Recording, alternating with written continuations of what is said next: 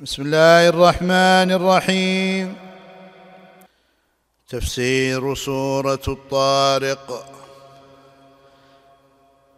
هذه السورة مكية وقد افتتحت بقسمين من الله تعالى. على أن كل نفس عليها حافظ. وختمت بقسمين على أن القرآن قول فصل. وفيما بين ذلك ذكر الله أحد أدلة البعث وهو خلق الإنسان من الماء الدافق. فهذه ثلاثة أمور اولا حفظ الإنسان وحفظ عمله. ثانيا خلق الإنسان ورجوعه إلى ربه. ثالثا أن القرآن حق فصل. وفي ذلك تكذيب للكافرين القائلين بأنه شعر أو سحر أو كهانة. فالأمر الأول تضمنته الآيات الأربع الأولى. وأما الأمر الثاني وهو خلق الإنسان ورجوعه إلى ربه فتضمنته الآيات من الخامسة إلى العاشرة. وأما الأمر الثالث وهو أن القرآن حق فصل وليس بالهزل فتضمنته الآيات الأخيرة. الآيات والسماء والطارق وما أدراك ما الطارق النجم الثاقب إن كل نفس لما عليها حافظ التفسير قوله سبحانه والسماء والطارق هذا قسم من الله والقسم من طرق تأكيد الكلام وأقسم الله بالسماء وبالطارق لأنهما من مخلوقاته الباهرة ولما فيهما من الآيات الظاهرة والإقسام بهما دليل على عظمة شأنهما وعظمة خالقهما. وقد كثر في القرآن ذكر السماء والشمس والقمر لما فيها من من الدلالات على قدرة خالقها. وقد كثر في القرآن ذكر السماء والشمس والقمر لما فيها من الدلالات على قدرة خالقها وحكمته ورحمته وعلمه. والطارق اصله في اللغة ما يطرق أن يجيء ليلا ثم صار يطلق على كل ما يظهر في الليل. وقوله وما أدراك ما الطارق أي شيء أعلمك ما الطارق والخطاب لكل من يصلح للخطاب فهو لغير معين. والاستفهام لتعظيم المقسم به وتفخيمه والتشويق إلى معرفته فهو كقوله تعالى فلا أقسم بمواقع النجوم وإنه لقسم لو تعلمون عظيم. ثم فسر الطارق بقوله النجم الثاقب أي هو النجم أي هو النجم الثاقب أي المضيء الذي يثقب بضوئه ظلمة الليل. وسمي النجم بالطارق لأنه يرى بالليل ويختفي بالنهار. وال في النجم للجنس أي للاستغراق فيكون المراد عموم النجوم لأن لكل منهما ضوءا ثاقبا. إن كل نفس لما عليها حافظ. هذا جواب القسم إن نافية بمعنى ما ولما بتشديد الميم بمعنى إلا, إلا الاستثنائية بمعنى إلا الاستثنائية أي ما كل نفس إلا عليها حافظ. من الملائكة يحفظها ويحصي عليها عملها كما قال تعالى وإن عليكم لحافظين. كراما كاتبين. وقال ويرسل عليكم حفظا. وعدي حافظ بعلى لتضمنه معنى القيام. لأن الملائكة قائمون على العباد بالمراقبة والحفظ. وقرأ ابن كثير ونافع وابو عمرو والكسائي. وقرأ ابن كثير ونافع وأبو عمرو والكسائي. لم لما لما بتخفيف الميم. فتكون مركبة من اللام الفارقة بين إن المخففة والثقيلة وما المز الم وما المزيدة للتأكيد وإن هي المخففة واسمها ضمير الشأن والخبر جملة كل نفس إلى آخره أي الشأن والأمر كل لنفس لا عليها حافظ فمآل القراءتين واحد. الفوائد والأحكام أولا أن الله يقسم بما شاء من خلقه. ثانيا أن السماء من أعظم آيات الله الدالة على قدرته. ثالثا أن النجوم التي تطرق في الليل من دلائل قدرة الله. رابعا البيان بعد الإبهام في قوله وما أدراك ما الطارق النجم الثاقب. خامسا التهويل بالإبهام والاستفهام. التهويل بالإبهام والاستفهام. سادسا أن الطارق في الآية هو النجم الذي يخرق الظلام بنوره سابعا أن كل نفس عليها حافظ يحفظها ويحفظ عملها كما قال تعالى له معقبات من بين يديه ومن خلفه يحفظونه من أمر الله. وقال تعالى وإن عليكم لحافظين كراما كاتبين. ثامنا الحث على العمل الصالح. تاسعا تهديد المكذبين بحفظ أعمالهم ومجازات ومجازاتهم عليها. عاشرا الإشارة إلى إمكان البعث بالقسم وبالطارق لما فيهما من الدلالة على القدرة. لما فيهما من الدلالة على القدرة. ولما كان قوله تعالى إن كل نفس لما عليها حافظ. مشعرا بالجزاء على الأعمال. أمر الإنسان بالنظر فيما يدل على البعث الذي يكون الجزاء بعده. فقال تعالى فلينظر الإنسان مما خلق. خلق من ماء دافق. يخرج من بين الصلب والترائب. إنه على رجعه لقادر يوم تبلى السرائر فما له من قوة ولا ناصر.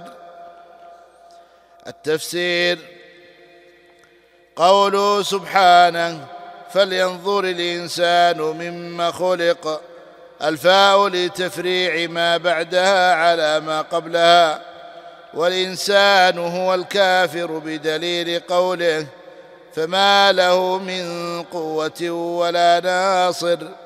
أي فلينظر نظر اعتبار وتفكر مما خلق أي من أي شيء خلقه الله ومما أصلها من وما الاستفهامية. حذفت ألألفها لدخول حرف الجر عليها. حذفت آلفها لدخول حرف الجر عليها والاستفهام للتقرير والتنبيه والتذكير بقدرة الخالق عز وجل. وفي الآية إشارة إلى ضعف مبدأ الإنسان. خلق من ماء دافق أي من ماء منصب بسرعة وقوة في رحم المرأة. ثم بين مكان خروجه فقال يخرج من بين الصلب والترائب. أي صلب الرجل, وهو عمود ظهره الفقري وترائب المرأة وهي عظام الصدر. حيث تكون القلادة جمع تريبة. كصحيفة وصحائف. هذا قول كثير من المفسرين. وقال قتادة وغيره من صلب الرجل ونحره. وعليه فالترائب للرجل وهو الموافق للفظ الآية ونظمها. فإن الله وصف الماء بأنه دافق. وهذا من شأن ماء الرجل ولا ينافي ذلك أن الإنسان مخلوق من الماءين إنه على رجعه لقادر أي إن الله قادر أكمل القدرة على إعادة الإنسان حيا بعد موته. فلا يعجزه بل هو أهون عليه لتقدم خلقه الأول كما قال وهو الذي يبدأ الخلق ثم يعيده وهو أهون عليه. وقال قل يحييها الذي أنشأها أول مرة وهو بكل خلق عليم. يوم تبلى السرائر متعلق برجع. أي أن يرجعوا أو أن يرجعه يوم القيامة. تبلى تكشف وتختبر. والسرائر جمع سريرة. وهي كل ما يسره الإنسان في قلبه. وهي كل ما يسره الإنسان في قلبه فإن الحساب يكون يوم القيامة على ما في القلوب. أفلا يعلم إذا بعثر ما في القبور وحصل ما في الصدور؟ فما له أي ليس للكافر المكذب يوم القيامة. من قوة في نفسه يدفع بها العذاب. ولا ناصر أي من الخارج ينصره ويدفع عنه العذاب. ومن مزيدة لتأكيد النفي أي ليس له قوة على الإطلاق في ذلك اليوم. الفوائد والأحكام. اولا أمر الإنسان بالتفكر في مبدئه وخلقه. أمر الإنسان بالتفكر في مبدئه في مبدا خلقه. أمر الإنسان بالتفكر في مبدا خلقه. ثانيا أن التفكر طريق من طرق المعرفة. ولذا أثنى الله على المتفكرين في خلق السماوات والأرض. ثالثا أن خلق الله للإنسان من الماء المني يدل على إحيائه وبعثه بعد موته. وهذا أحد أدلة البعث في القرآن وقد ثنيت فيه كثيرا. كما في سورة عبس والمرسلات والقيامة وغيرها رابعا أن المني الذي يخلق منه الإنسان هو الدافق وهو الذي يخرج عن شهوة وهو الذي يوجب الغسل لا المني الذي يخرج من برد أو غيره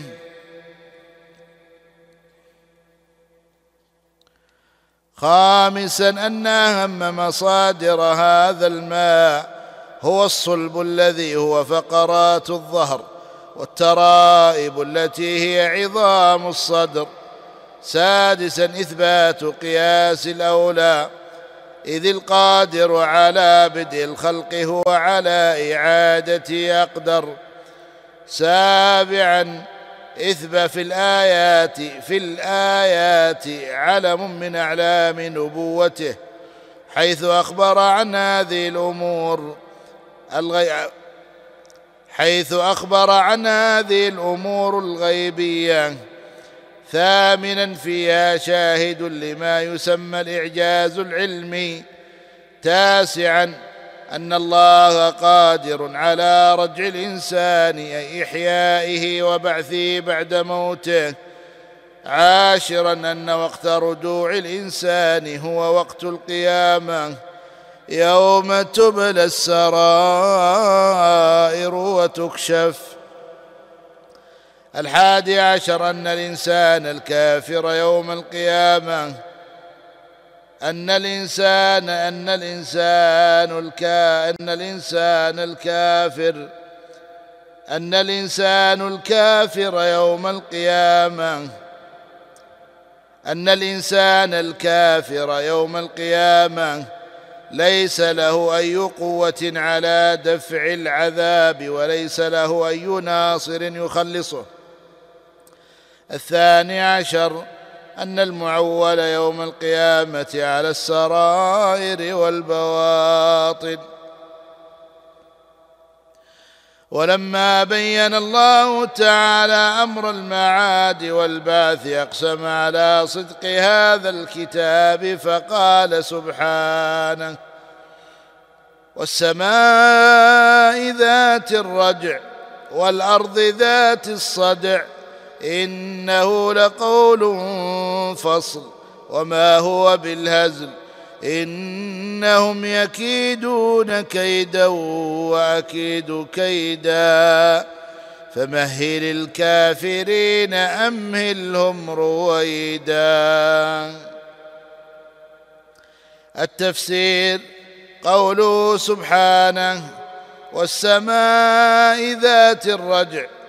أي أي أقسم بالسماء ذات الرجع أي المطر من التسمية بالمصدر فإنه مصدر رجع وسمي المطر رجعا تفاؤلا لأنه يعود ويتكرر والأرض ذات الصدع أي وأقسم بالأرض ذات الصدع أي الشق الذي يخرج منه النبات بعد نزول المطر عليها وفي هذا تذكير بنعم الله وتنبيه إلى قدرته تعالى على إحياء الموتى.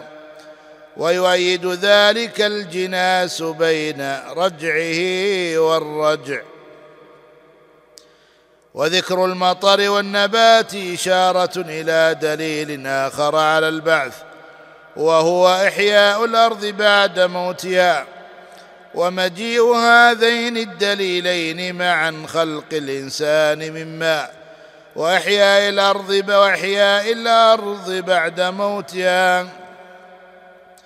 وإحياء الأرض بعد موتها كثير في القرآن.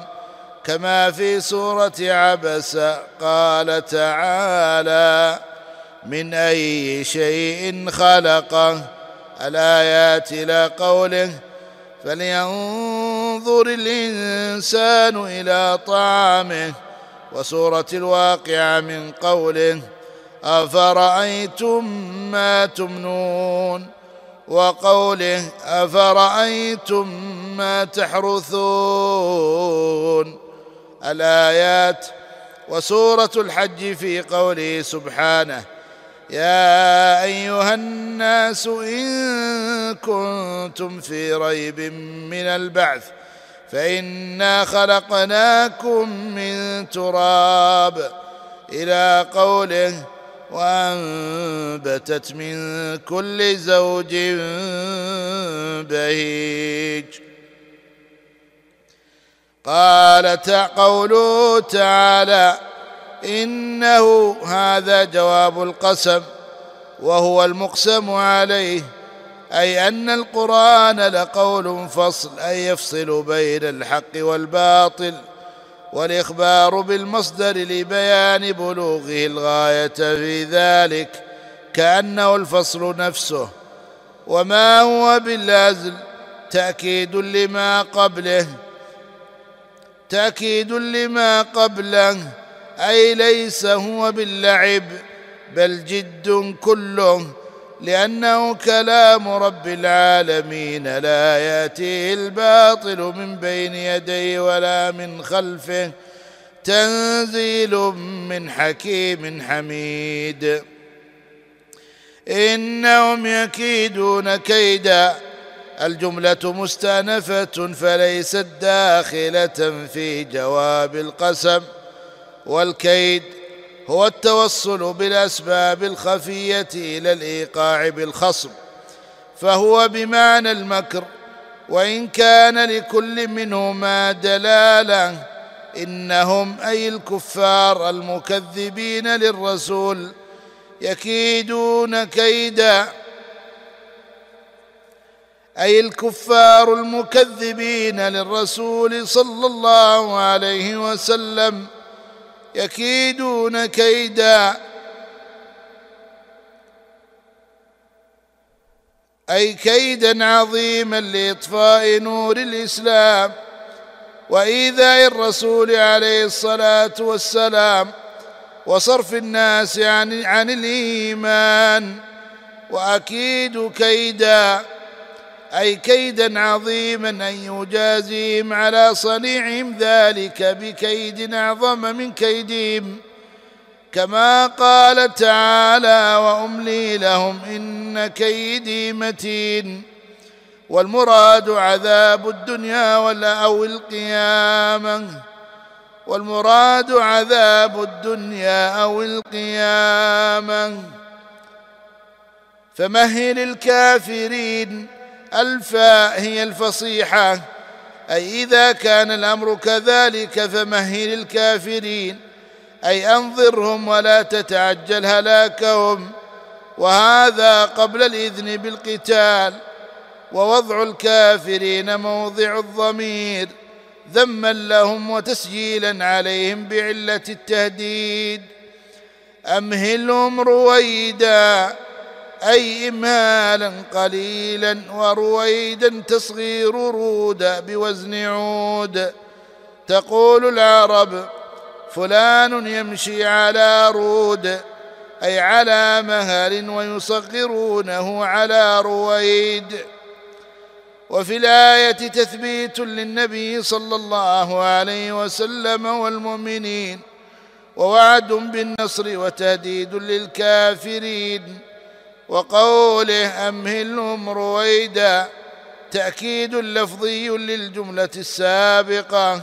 مع تغيير البنيه اعني في مهلهم وامهلهم فإن ذلك فيه زيادة التثبيت لأن, الوا... لأن المعنى لأن المعنى الواحد إذا عبر عنه بلفظين مختلفين كانا كالمعنيين المختلفين.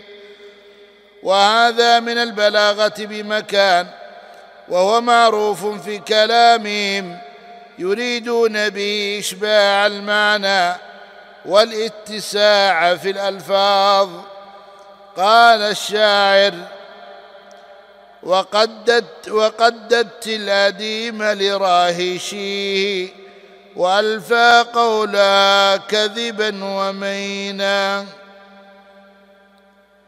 وقددت الأديم لراهشيه وألفى قولا كذبا ومينا. والمين هو الكذب وقول الآخر حييت حييت من طلل تقادم عهده أقوى وأفقر بعد أم الهيثم. الإقواء والإقواء والإقفار معناهما واحد. حييت من طلل تقادم عهده أقوى وأقفر بعد أم الهيثم.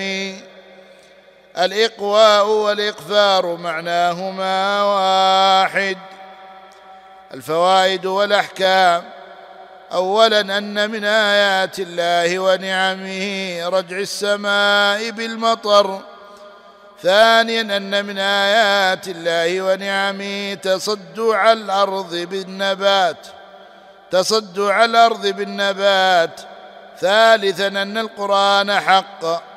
رابعا أن من صفات القرآن الفصل بين الحق والباطل والهدى والضلال ولذا سمي فرقانا. خامسا الرد على المكذبين بالقرآن الواصفين له بأنه هزل. سادسا ذم الهزل في الكلام. سابعا أن الكفار يكيدون للرسول صلى الله عليه وسلم وللمؤمنين كيدا عظيما أن يمكرون. ثامنا أن الله يكيد للكافر يكيد الكافرين كيدا عظيما. ثامنا أن الله يكيد الكافرين كيدا عظيما. تاسعا الجزاء من جنس العمل. عاشرا أن الله يوصف بالكيد وهو المكر كقوله تعالى ويمكرون ويمكر الله والله خير الماكرين. ففيه الحادي عشر الرد على الجهمية ومن وافقهم من نفاة الصفات. الثاني عشر إمهال الله للكافرين استدراجا لهم. الثالث عشر أمر, أمر الله أمر أمر الله لنبيه بالصبر وإمهال الكافرين. وذلك في مكة قبل الإذن بالقتال. قال تعالى أذن للذين يقاتلون بأنهم ظلموا. وان الله على نصرهم لقدير. كان هذا المشروع برعايه اوقاف الشيخ علي بن عبد العزيز الضويان رحمه الله وغفر له ولوالديه وبارك في ذريته وجعله في موازين حسناتهم.